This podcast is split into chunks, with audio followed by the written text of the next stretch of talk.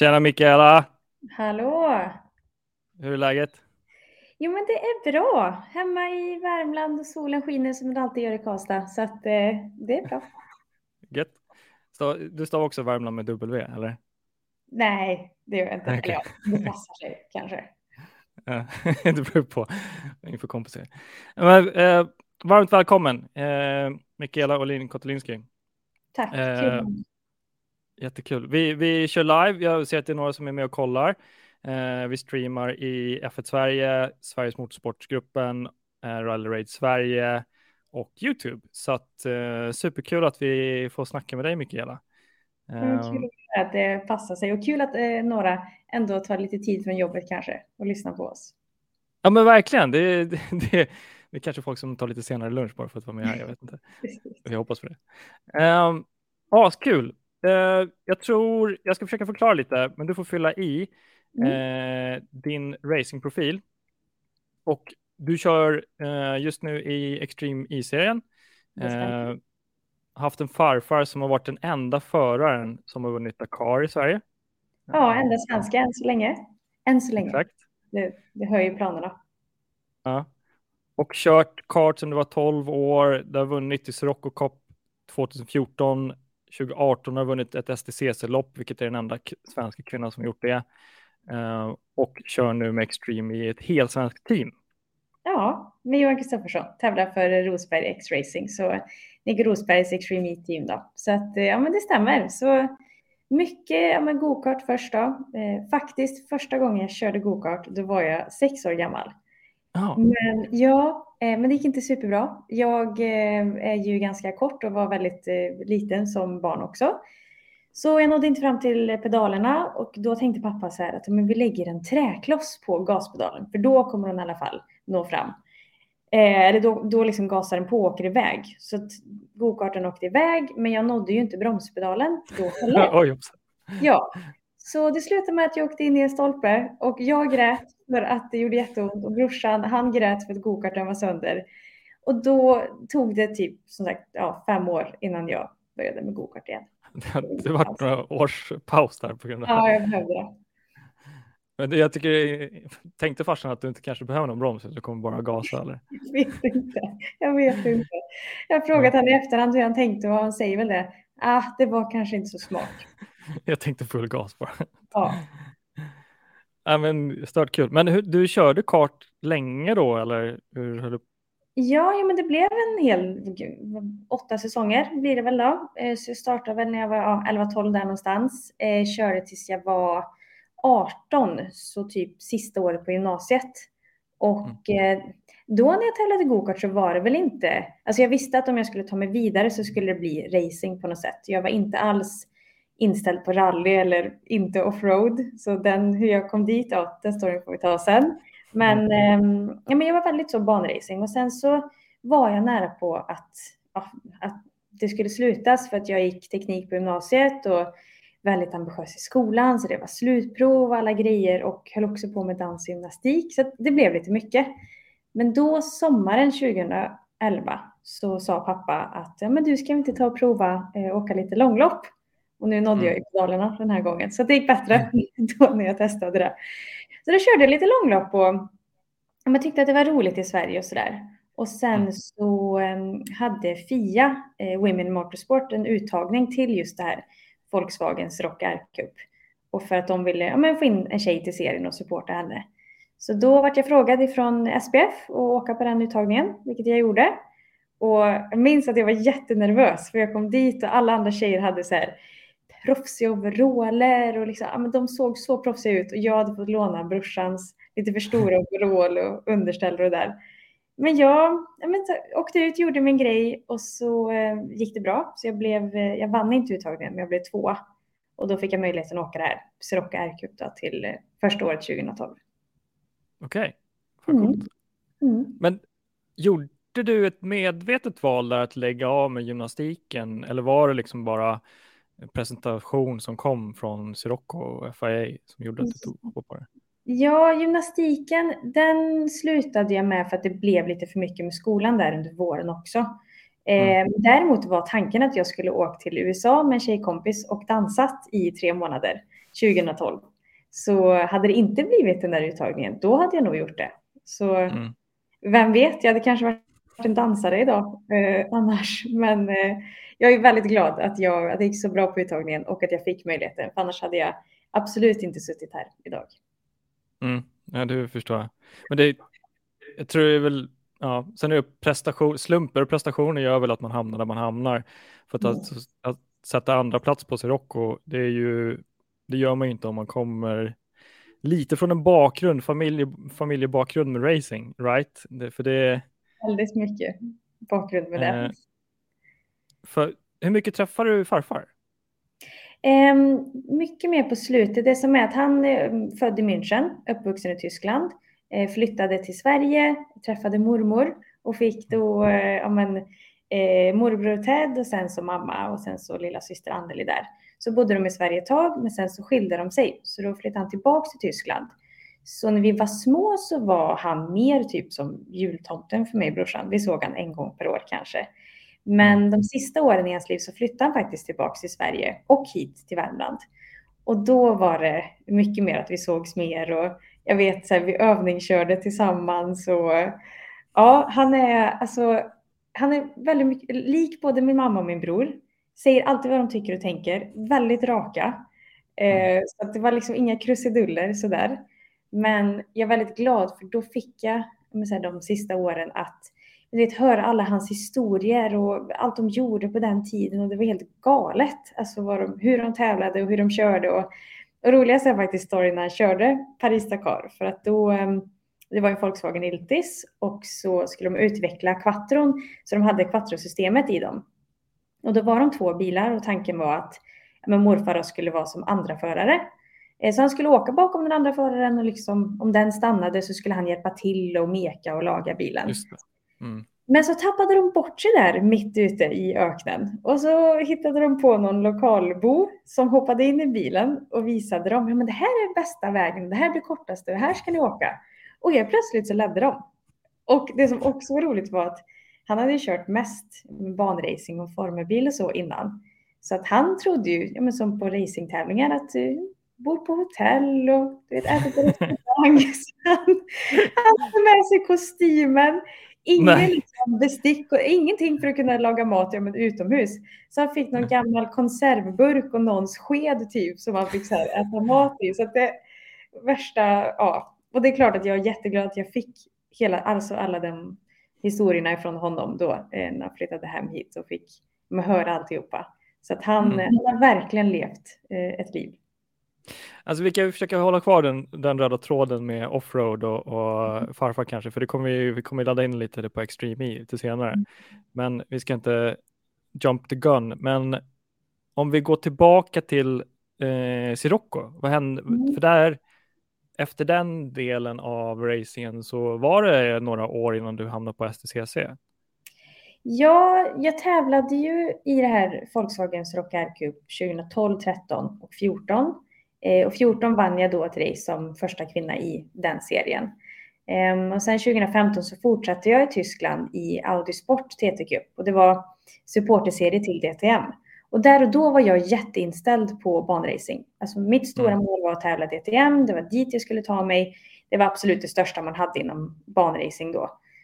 Ehm, men sen så 2016 körde jag R8 LMS i Tyskland och det var väl lite för stora skor jag klev in i. Det var en jättetuff utmaning för mig.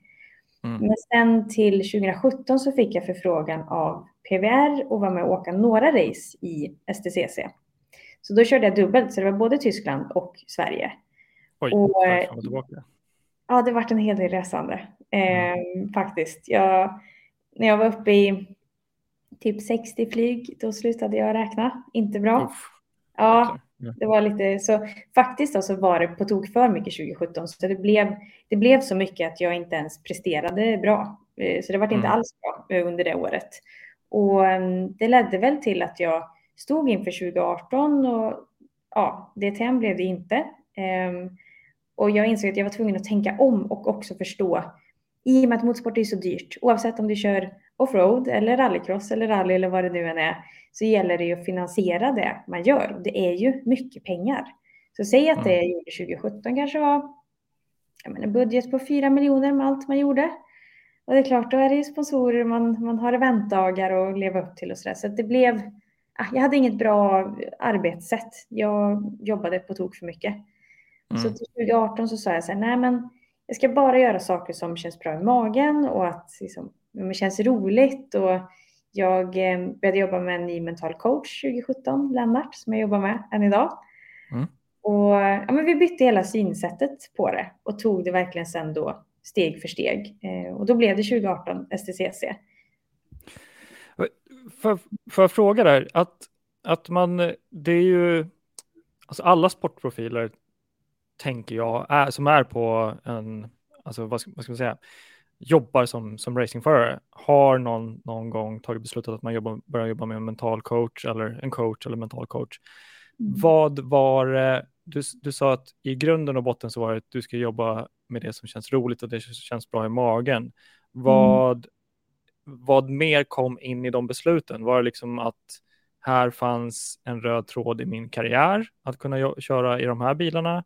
Eller mm. var det eh, team som approachade dig? Eller vad var det mer som i tillfälligheterna som gjorde att du tog nästa steg i, i dem? ESTCC då tänker du just eller? Precis. Eh, ja, men det var möjligheterna och jag hade trivts väldigt bra med eh, PVR under ja, 2017 och det gänget som jag jobbade med.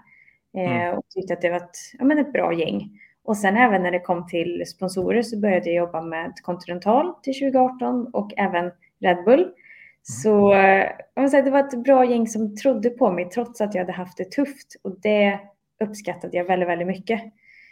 Um, var kom Continental Red Bull ifrån? Var det tillfällighet eller var det liksom? Ja, um, den ena var Red Bull klev jag in på huvudkontoret och bara knackade på och sa hej hej, här är jag. Eh, okay. och där håller jag på med och det här vill jag göra. Så ja. det är många som tror att de, och de hör absolut av sig till atleter också. Men, nej, men jag var i Stockholm och så hade jag en ledig lucka och så visste jag vem det var som var ansvarig. Så gick mm. det väl ändå ja, men ett halvår tror jag innan jag hörde ifrån dem igen. Mm. Så det var roligt. Och med Continental så var det faktiskt också ändå via Red Bull. För vi skulle sätta ett världsrekord för en, eh, eh men gud vad heter det, inte skridskoåkare. Eh, Kjell Noise heter han. Speedskridskoåkare. Ja, men de åker väldigt, väldigt, väldigt fort. Han skulle i alla fall åka, ja. vad var det, över 90 kilometer i timmen på skridskor. Helt otroligt. Okay. Eh, ja. Och då skulle jag köra den här bilen för det var som en vindskydd. Och då var vi tvungna att ha de bästa dubbfria däcken. Och då visste jag att Continental hade det. Så då ringde jag. Och sen därifrån sett så startade en konversation och så började vi jobba tillsammans. Och det är faktiskt mm. tack vare dem jag är Extreme E. Men det kommer vi till sen också. Ja, det måste vi komma till. Men mm. det, det, kanske, alltså, en av syftena vi har med Sveriges motorsport-community och racingen är att vi försöker marknadsföra profiler, men också eh, att försöka skicka blänkare, signaler eller lite olika informationstyper till människor som vill börja köra själva. Eh, och det kan ju vara en bra grej till tjejer som kanske vill börja köra att ibland måste man gå in på huvudkontoret eller ringa folk för att det ska hända saker. Ja, ja men det, alltså, jag har fått ett väldigt bra tips av en som har hjälpt mig mycket med mycket frågor och mycket råd. Eh, Göran Olsson heter han och han har jobbat med, men, med Ted Björk och också jobbat med Mattias Ekström och sådär. Han säger alltid till mig så här, men vad är det värsta som kan hända? Mm. Och det är klart att det värsta som kan hända om jag knackar på där hos Red Bull är att de säger, nej, vi har inte tid. Nej, mm. okay. Ja, så det är en väldigt bra grej. Man kan lätt bygga upp stora saker i huvudet, men så här, men på riktigt, vad är det värsta som kan hända? Jo, men precis. Jag tror, alltså du får, du kommer allt, om du söker hjälp, vilket ibland du behöver, det vet jag själv som försöker driva saker ideellt, så mm. kommer man få nej ibland och det är bara att vänja sig vid de nejen och sen så gå vidare och försöka. Ja, ja. Att, eh, Till slut kommer det ett ja, för det är som, jag ringde runt och skulle eh, sponsorer till eh, ja, men till Tyskland då när jag skulle köra Sirocco Cup. Jag tror mm. jag åkte in på hundra företag och gick in där med min knackiga tyska och sa hej, här är jag från Sverige. Men fick ju en ny sponsor. Och det är ungefär mm. den liksom, ration det är på, känns det som.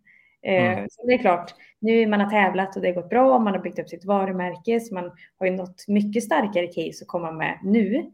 Mm. Men jag menar, det var, det var så det började och jag tror, ja som sagt, vad är det värsta som kan hända? Mm. Jag tittade på en dokumentär nyligen om, om uh, världens första person som seglade runt världen själv, uh, mm. solo, solosegling. Och han, jag tror han också ringde 100, 100 samtal innan och försökte få spons, men han fick uh, två stycken matburkar från, från, en, från det var allt han fick. Liksom. Så att, men han, han gjorde det fortfarande, han, tog, han blev fortfarande först. Liksom. Så det handlar bara om att göra det ändå, även fast man inte får hjälp från någon. Också. Mm. Mm. Men kul, vi kanske ska eh, börja gå in på det där med Extreme Me och eh, vad, det, vad det var som hände och varför. Ska, ja. ska vi ta upp en sak som du jobbar med just nu? För du jobbar med eh, Subtech. Ja, men det stämmer. Så de är min personliga sponsor till just Extreme Me.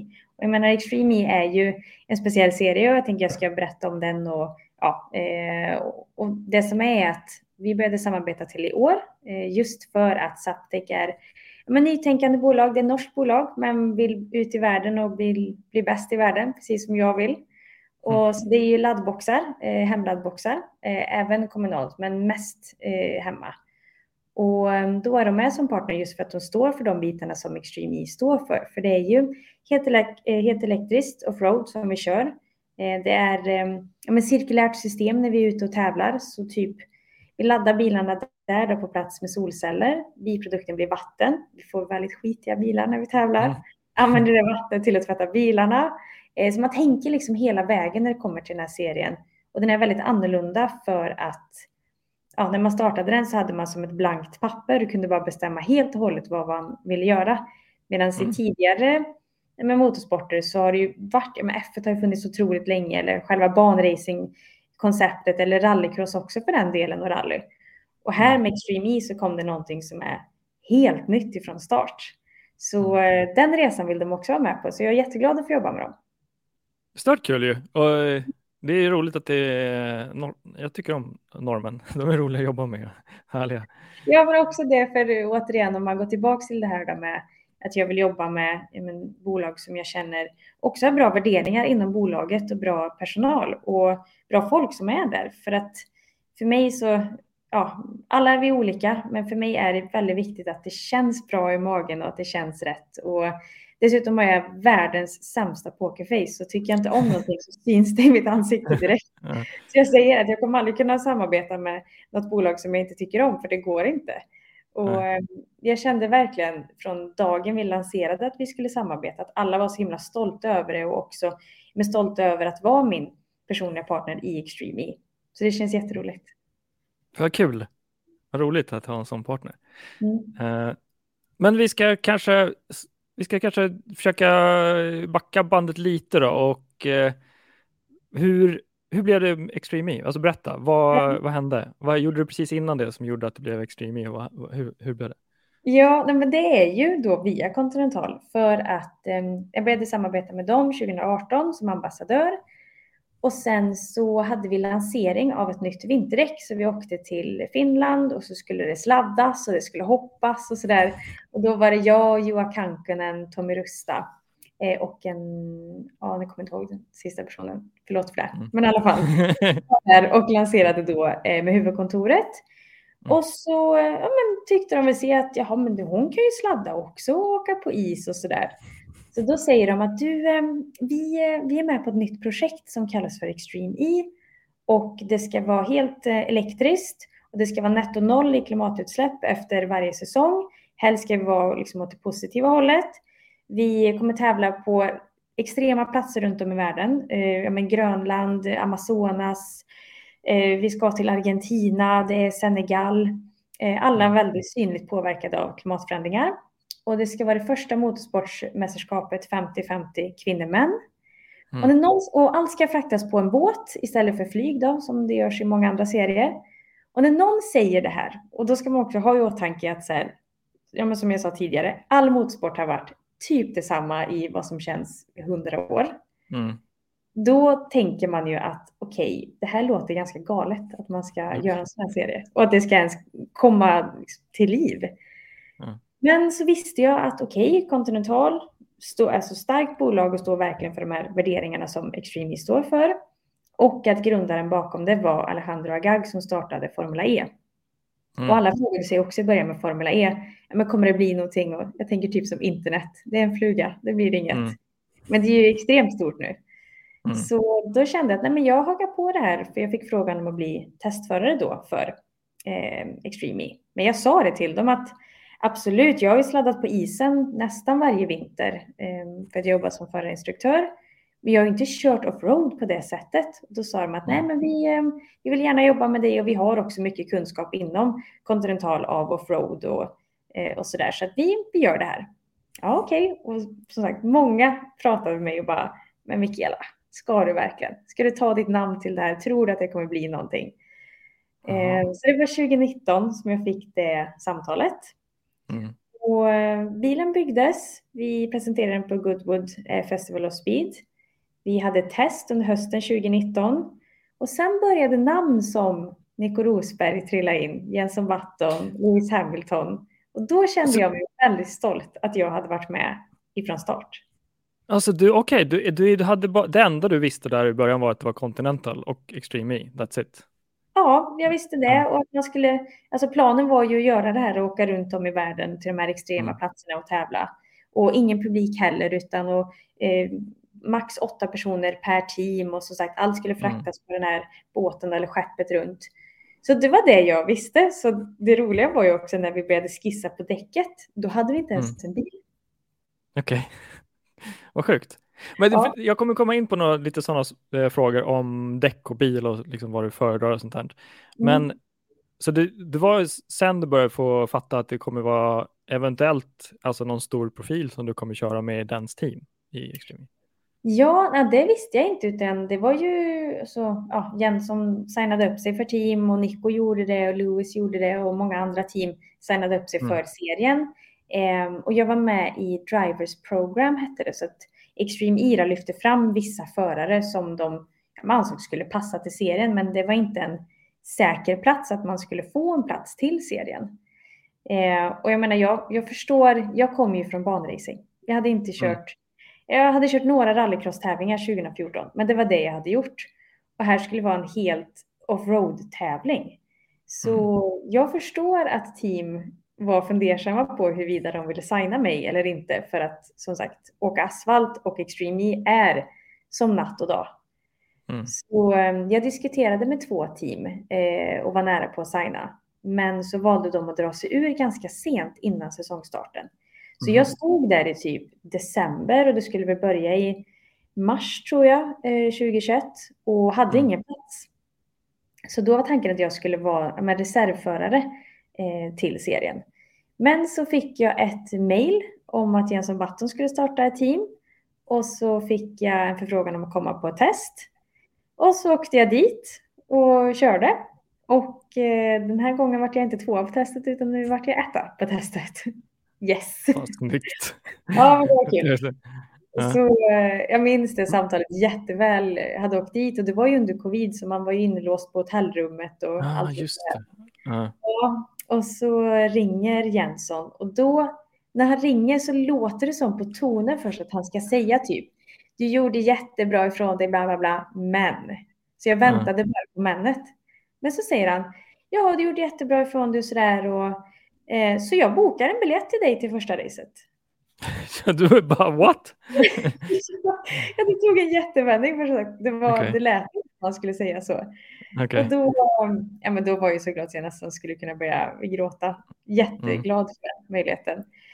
Men sen första racet i Saudi, då tänkte nog, eller jag tänkte, han tänkte och jag tror typ alla förare tänkte, vad har vi gett oss in på? För det var, mm nu skulle jag jättegärna köra första banan igen, för nu vet man vad bilen kan och vad vi kan och så. Men mm. alltså det var, jag får frågan ibland om jag är rädd.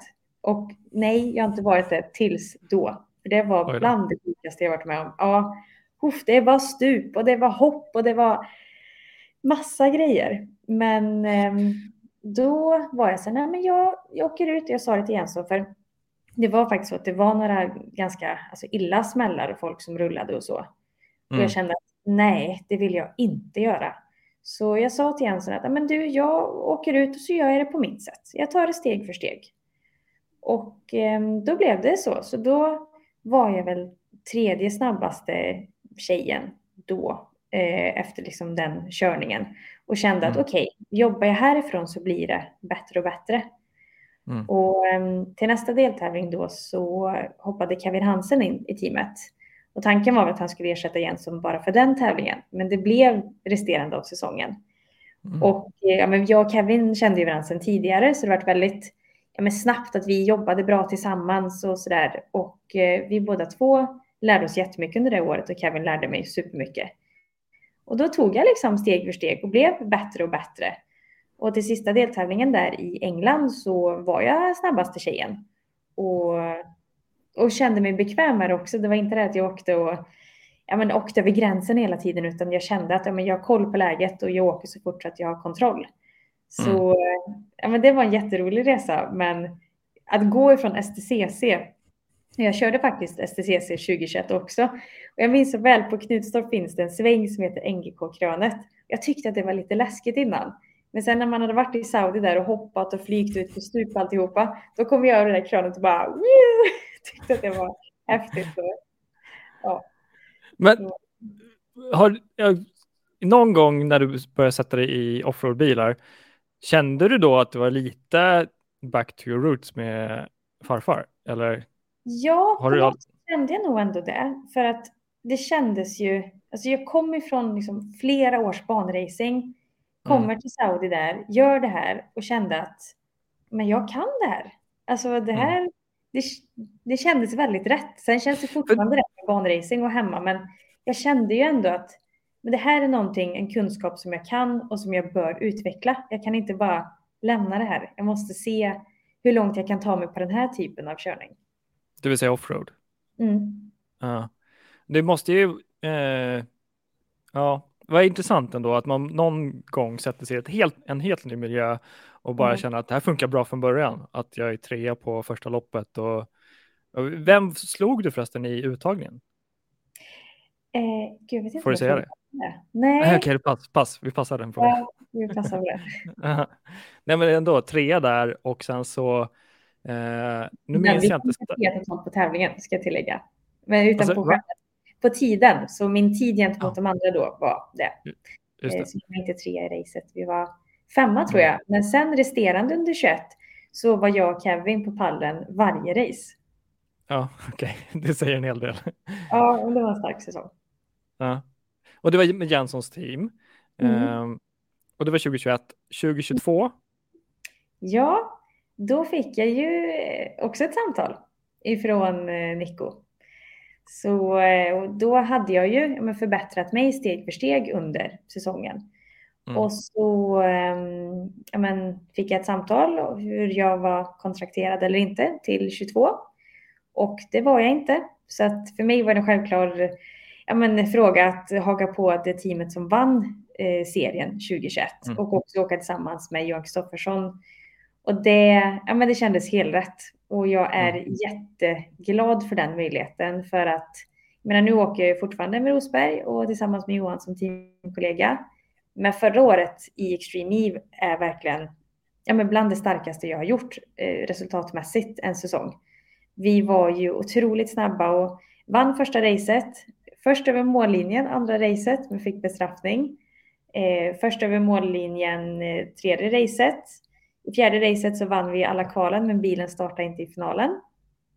Sista oh, racet gick allt fel som kunde gå fel. Så vi nej. förlorade mästerskapet med två poäng, men rent körmässigt så utvecklade jag mig och gör det fortfarande nu med Rosberg.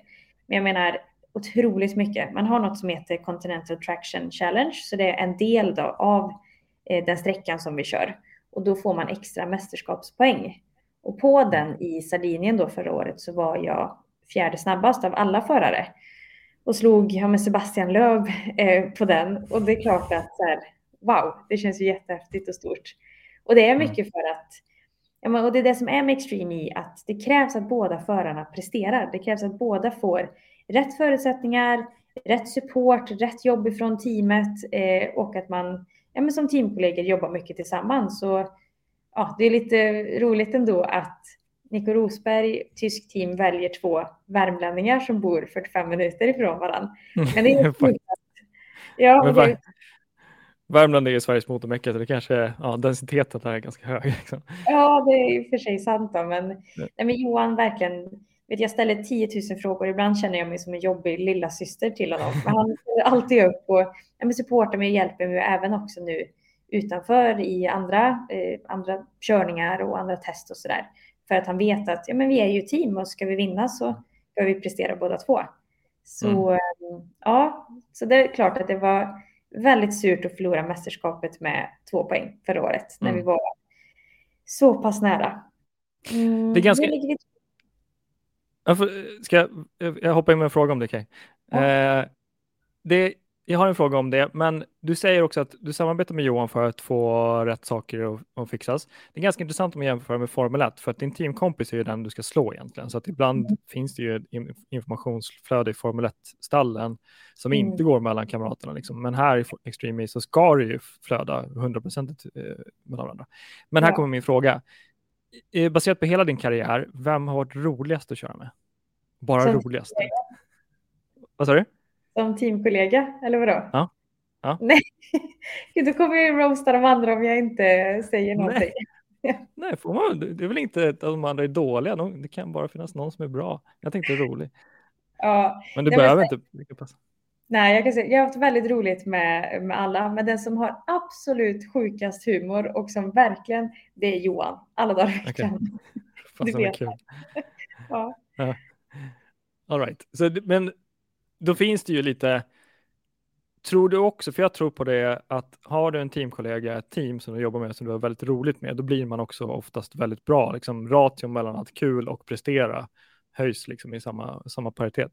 Ja, Håller du med om det? Verkligen. Alltså det handlar om den här balansen. Det pratar jag jag min mentala coach mycket om att balans i livet och balans där. Alltså jag menar, det är klart att vi, vi är ju där för att prestera. Men jag har lärt mig att om jag mår bra, är jag glad, trivs med ett team, de jag jobbar med, så kommer jag också att prestera. Vissa är ju så här, ja men du är bara en marionettdocka, stoppa in dig i vilket team som helst, jobba med mm. vilka som helst, du ska göra ditt jobb. Och så fungerar det kanske för vissa, men jag har lärt mig genom de här åren, jag är inne på min vad är det, trettonde säsong av att tävla eh, banracing eller rallycross eller offroad nu. Och mm. då vet jag att det är det som krävs för min del för att jag ska trivas och för att jag ska prestera. Så ehm, ja, men jag trivs jättebra med de teamen jag jobbar med nu eh, och, eh, och, ja, det är det som är viktigt för mig. Så att, helt rätt, man ska absolut eh, eh, ha roligt på jobbet och det som är kul med Rosberg så är att vi det är klart att vi verkligen har roligt och det finns videos på oss när vi vet olika lekar och allt vad vi nu än gör. ja. Eh, men sen är det ju 100% fokus när det är det också, för det måste man ha för att kunna prestera såklart. En av mina frågor är det, eh, hur är det att jobba med personer som har slagit mycket Schumacher, Lewis Hamilton och x andra personer? Alltså hur är det jobbat med Nico? Eh, Nico är verkligen in i detalj i allt och han eh, ifrågasätter dig så att du ska verkligen se till att du har tänkt igenom alla alternativen. Du ska inte lämna någonting till slumpen utan du ska tänkt igenom okej, okay, har vi kollat det här nu? Har vi gjort det här nu? Har vi tänkt igenom det här? För jag menar, han har ändå vunnit mot Lewis Hamilton när de hade absoluta toppbilar och slagit honom. Mm. Och det gjorde han för att han gick igenom varenda liten detalj. Och han eh, berättade för mig att de sista tre månaderna när han skulle racea mot Lewis då, då hade han inga sociala medier, inga nyheter, ingenting. Alltså, han visste ingenting om ut, ja, världen då för att han inte skulle bli påverkad mentalt och tänka på mm. andra saker utan bara fullt fokus på det. Sen kan man tycka att det kanske är lite väl extremt, men det funkade för han och återigen, det gäller att hitta sitt sätt. Men han, han är verkligen supernoga i att vi ska utmana oss själva och tänka igenom allt. Ehm, så även det är klart, när han började fråga om aerodynamik i Extreme E så var vi så här, vi är inte där riktigt än. Men det är klart att vi ska tänka på det. Mm.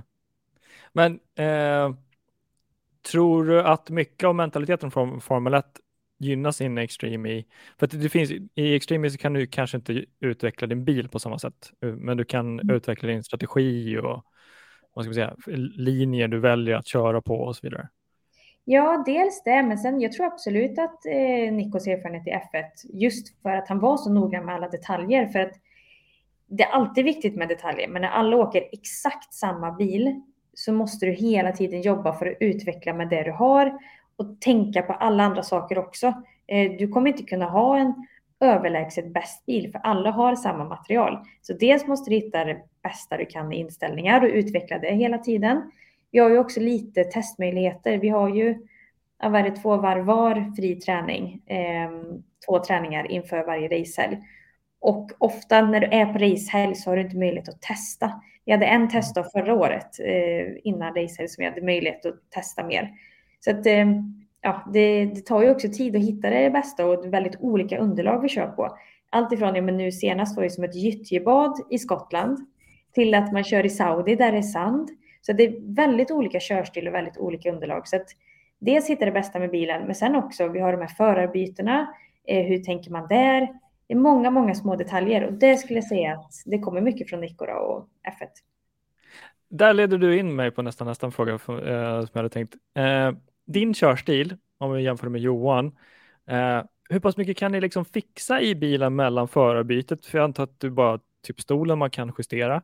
Och ja, man kan körs... justera stolen. Jag har man kan inte göra det? Nej, jag, barnkudde, den är ju formad efter mig. Men det ser ut som mitt team eh, i tyskar, så de kallar det för eh, Maxi Cosi, heter det mest kända typ så här, barnstolen i Tyskland. Och då har jag som en sån en insert då, som jag stoppar i stolen. Så då säger de mm. alltid Mickey, you're Maxi Cosi, don't forget it. det är gött. Ja. Men annars är liksom bilen helt samma? Ja, du kan ju ändra när du väl kör. Du kan ändra men du har ju en motor fram på 200 kilowatt, en motor i bak, så du kan ändra fördelningen eh, på 200 också. Du kan ändra fördelningen mm. där. Ehm, vi har inte alltid 400 utan vi har kanske runt 3, 300 någonstans och då kan du fördela ja, hur mycket du vill ha fram och bak under tiden du kör kan du ändra det. Eh, sen finns det lite andra parametrar du kan ändra också, traction control och så. Eh, men jag och Johan kör väldigt lika. Jag tror att vi, ja, det har vi lärt oss nu under våra, våra år tillsammans så att säga, att eh, mm. vi vill ha bilen på ganska liknande sätt. Och sen mm. så har ju Johan mycket mer erfarenhet av men närmare offroad när det kommer både till rallycrossen och rally som han har kört. Så han lär ju mig också väldigt mycket med att ibland kan jag vara lite så här banracing fisförnäm och bara nej men du det slog igenom här. Och då säger han mm. men stoppade det farten? Jag bara nej det gjorde det inte. Nej men då slog det inte igenom. Då kan vi åka vidare. Mm. Okej. Okay. Okay. Det är jätteskönt. Alltså. Okej, okay, men hur mycket eh, jag ska nästan fråga dig också vilken bil du tycker är bäst, men jag, det känns som vi landar Extreme i bilen eh, under ja. din karriär. Eller? Ja. alltså det är ju väldigt häftigt med Extreme E-bilen och vi fick nya dämpare förra säsongen som var ett jättelyft verkligen för den. Och jag skulle säga att allting har sin liksom, charm på sitt sätt. Med Extreme E-bilen så åker vi över, det är stora hopp och det är stenar och alltihopa. Eh, sen körde jag en Maverick-tävling här för i SXS Nordic som också är offroad. Och mm. eh, då åkte vi på en bana som jag tänkte, men den här bilen kommer ju gå sönder. Det var ju liksom slakt typ, men den klarade av det hur bra som helst. Så den tycker jag också är rolig att köra. Sen så, um, jag körde lite Porsche förra året, tyckte jag också var jättehäftigt. Så att allt har sin olika charm på sitt sätt. Det är bara att de är väldigt olika. Och jag känner mm. mig jag väldigt privilegierad att få jag körde rallycross-test här nu för några veckor sedan. Att få testa så mycket olika bilar och olika körstilar för man lär sig verkligen något av allt. Mm. Coolt.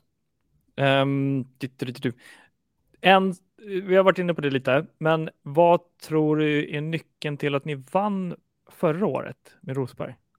Ja, nästan vann då, men... Ah, Okej, okay, förlåt. Jag menar att vi vann race och liksom så. Nej, men ja. Det skulle jag säga är... Eh, det, är alltså, det är otroligt bra teamarbete. Det, mm. Motorsport är ju... Visst, du sitter själv bakom ratten och det gäller att du tar rätt beslut där och då. Men sen är det ett otroligt teamarbete att få den bästa bilen, att jag och Johan som teamkollegor jobbar bra tillsammans, utvecklar oss och liksom körningen och hittar de bästa linjerna. Att få båda oss två att bli så snabba som möjligt, hitta den bästa setupen på bilen. Att vi har mekaniker som sliter till sent på natten, eh, att vi har ingenjörer som sitter och analyserar. Så att, att hela tiden jobba och vilja bli bättre. Ehm, det går inte att sätta sig ner och vara nöjd och tänka att men vad bra, vi är bäst nu, utan du måste hela tiden jobba framåt och utveckla dig, utveckla dig själv. Mm. Ehm, så det skulle jag säga är det som har gjort att vi var starka. Sen, eh, vi startade starkt i år. Vi hade en, det är också, eh, det gäller ju att prestera, men det gäller ju också att eh, ibland ha, samtidigt, jag vill inte säga tro på tur, men ibland ska man lite stolpe in också. Mm. Eh, och det, vi hade inte riktigt stolpe in sista racet, så kan vi säga. Och berätta för de som inte sett, vad hände? Eh, nej, men dels så tyvärr rullade jag i Q1, så det var inte eh, bra. Men sen i Q2 så ledde Johan, men så blev han överkörd av Nasser Alataya. Så då hamnade vi i Crazy Race. Och där går bara en person vidare. Och då kom jag ut som tvåa och eh, kände mig stark. Men så blev jag påkörd. Så det bara Nej, och sen var det olika bestraffningar fram och tillbaka som hade kunnat gjort att vi hade vunnit ändå. Men så vart det ingen bestraffning eller det vart, ja, det var väldigt många parametrar. Eh, mm. Därefter fick väl jag också så här, okej, okay, inse att jag får fokusera på dig. Jag kan påverka eh, bestraffningar hit och dit och saker som sker eller påkörningar. Det kan man inte påverka från sin egen del utan ja, det gäller att hitta sitt eget vad man kan jobba med. Och det kan jag säga i då Uruguay efter den rullningen så hade jag svårt liksom att men, hitta att jag vågade loada bilen igen riktigt ordentligt. Men nu mm. i Skottland så kände jag att jag gjorde det igen. Och det kändes väldigt bra att liksom komma tillbaka till den positionen igen så att säga. Mm. Grymt. Men ja. Alltså jag ska ta lig... håret här för att det är en, eh, en grej faktiskt, funny story. Nico ville att ja, jag skulle men... med håret förra året. Vadå berätta, var kommer det ifrån? Ja, eh, ja, det blir ju så här att håret hänger ju för sponsorerna. Så, Jaha. så vi i Sardinien förra året, han sa det inte rakt mm. ut, men eh, i Sardinien då så gick det jättebra. Vi var starka och vi vann där och så. Och då kom han till mig efteråt och jag hade gjort en omkörning i vatten och så här som var men spektakulär. Men då kom han sen och så sa han, vi måste göra någonting av ditt hår. Jaha, ja, men det är för sponsorerna. Vi måste göra någonting åt det. Och då vet jag att då gick jag sen till han som är sponsoransvarig och sa du Max, det står inte i vårt kontrakt att jag måste klippa av mig håret. Han bara, nej men du får bara se till att du tar bak det liksom så att det syns. Okej. Okay. Men börja med vikingfläta då? Ja, det kan man absolut göra. Ja, nej, men nu försöker jag ju ta bort det och lite sådär. Så det, det går bra. det är inte lite kul att chefen kommer och säger vi har problem. det är inte många som har en chef som kommer och säger du måste klippa håret. Nej, jag får flytta på sponsorlogotyperna istället. Det är väl enkelt. Uh, ja, men det är roligt. Det märks att ni har kul när, uh, i Roseberg-teamet och uh, det, man ser när, ni, när man kollar live att speciellt ja, när, när, ni vinner så hoppar mm. i sjön och, och så vidare. Ja, ja det, det är målet att komma dit igen. Ja, um, men nu ligger ni trea right? Det stämmer. Och hur många racer är kvar i år? Det är ju annorlunda i år då och det är det som gör, ehm, för förra året så körde vi ju ett race per helg och sen så hade vi kval. Så först var det tidskval och sen var det racekval. Och det är klart att mm. i tidskvalet så blir det ju pure pace för att du är ute själv och kör, du har ingen som är med och racear. Nu är det bara race mode och det är alltid en gamble med race mode. För det är fem bilar som alla vill bli först i första sväng. Och som Skottland nu till exempel så fanns det i princip ingen omkörningsmöjlighet. Så det var verkligen allt i starten. Mm. Och det är klart, då är det påkörningar och inkörningar och sådär. Så att um, vi kom trea i de första två racen i Saudi. Nu här i Skottland så faktiskt var det problem med torkarna, så väldigt dålig syn. Så uh, Johan låg väl tvåa i final ett och sen så rullade han för att han såg verkligen ingenting. Sen så låg vi fyra och så funkade torkarna.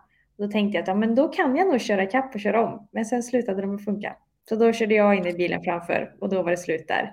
Så då vart vi femma, femma. Så vi ligger trea i mästerskapet och det är ändå sex race kvar. Men ja, det gäller ju att få med sig de där viktiga poängen och höga placeringarna för att kunna ta hem mästerskapet. Samtidigt så det är sex race kvar, mycket kan hända. Mm. Men det finns, rent statistiskt så är det inte alls långt ifrån att ni kan hoppa upp på första plats. Ja, men det kan vi göra. Det är, det är en bit dit, men det som är att vinner du så får du 25 poäng, vilket är väldigt mycket. Mm. Och ja, kommer man femma, vad är det vi får då? då? Åtta eller tio? Så det är klart att kommer vi dit så hoppar det upp väldigt mycket poäng. Så det, mm. det är inte linjärt som, det är ju samma som Formel 1 där inte heller linjärt riktigt. Nej, exakt. All right. Nej men eh, otroligt ballt. Hur ser framtiden ut för Extreme E och Zaptec? Vad, vad är liksom er plan? Ja, men vi fortsätter samarbetet här nu i år och eh, ja, men det som också, det nämnde jag inte, men som är speciellt med Extreme är att vi gör ju olika initiativ inför varje racehelg. Så inför Senegal planterade vi en miljon mangroveträd till exempel. Vi hade Beach Clean, för det ligger ju längs kusten så kommer ju otroligt mycket plast ifrån haven där.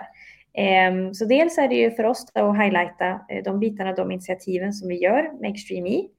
Ehm, men sen så har vi faktiskt skapat en eh, kampanj eh, med Saptec som kommer ut på mina sociala medier snart. Så man får hålla lite utkik där. Det finns möjligheter att kanske göra klipp eller vad, är det som man blir nyfiken? Ja, vi, har gjort det. vi har gjort en, en kampanj tillsammans som kommer komma ut. Så ja, håll utkik efter den. Gött.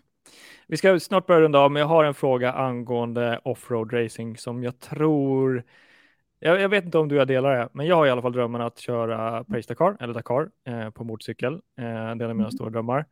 Kommer du också vilja göra det? Inte på motorcykel. Nej, det kan men, men fyra däck. men fyra hjul, jajamän. Jo, men det är absolut en dröm. Alltså, jag menar, sen så Dakar är ju helt annorlunda om man jämför. Extreme E är ju offroad, men det blir ju kortare sträckor, så det blir ju mer åt rallycross-hållet. Det här att menar, prestera på absoluta gränsen. Dakar är ju mm. också prestera, men det blir inte så, liksom, det är ju en sån himla lång tävling, så det gäller ju också att se till att bilen håller och att du tar dig hela vägen. Så att för mig skulle det absolut vara en dröm att eh, köra Paris-Dakar med tanke på också historien som finns med morfar, att han har kört det. Så eh, Ja, så hallå team där ute. Exakt. Jag ska, jag ska skicka, skicka en fet disclaimer. Jag skulle också kunna tänka mig att göra på fyra hjul om det är någon som vill erbjuda. Mm. Ja, det är bra, då betalar det för oss nu. Ja. Båda. Alltså det, det, finns ju en hel del svenska motormärken, typ Volvo, som har ställt upp i Dakar. Eh, Saab har aldrig varit där med veterligen. Koenigsegg är ju helt eh, vägbilar, de satsar inte på racing med veterligen alls. Mm. Men eh, det hade ju varit jättekul i framtiden att se att det finns större svenska satsningar på fyra hjul i Dakar. Sen har vi ju eh, en av våra stoltheter är ju våra kvinnliga racingförare. Eh, dels du och Annie Sil som har kört i Dakar. Eh, hon har slagit rekordet så det finns ju liksom en, vad ska vi säga, och med Freddy en svensk kultur att, eh, att prestera i Dakar. Så det hade varit kul att se dig i framtiden. Ja, men det hade varit häftigt och jag menar med, med Annie där faktiskt. Jag är jättetacksam för jag ringde henne innan, innan första Extreme-racet och frågade just om att köra i öken för att jag, men jag hade ingen aning och fick jättebra mm. tips. Och det vill jag säga, hon är jätte, jättehjälpsam och hjälper alla och ger support och så. Så det, det tycker jag är väldigt fint av henne. Mm. Annie Sille grym. Det är den första personen jag intervjuade i podcasten från eh, Dakarbybacken. Okej, okay. ja, kul. kul. Härligt Mikaela. Jag tror vi ska försöka spara folks öron och våra halvröster och eh, vi ska, stort, stort tack för att du vill vara med och spendera lite tid och eh, hänga på podden. Ja, men tack själv, jättekul. Och tack till alla sponsorer, tack till ni som kollat och eh, vi kanske inte syns, men vi hörs i nästa podcast. Tja!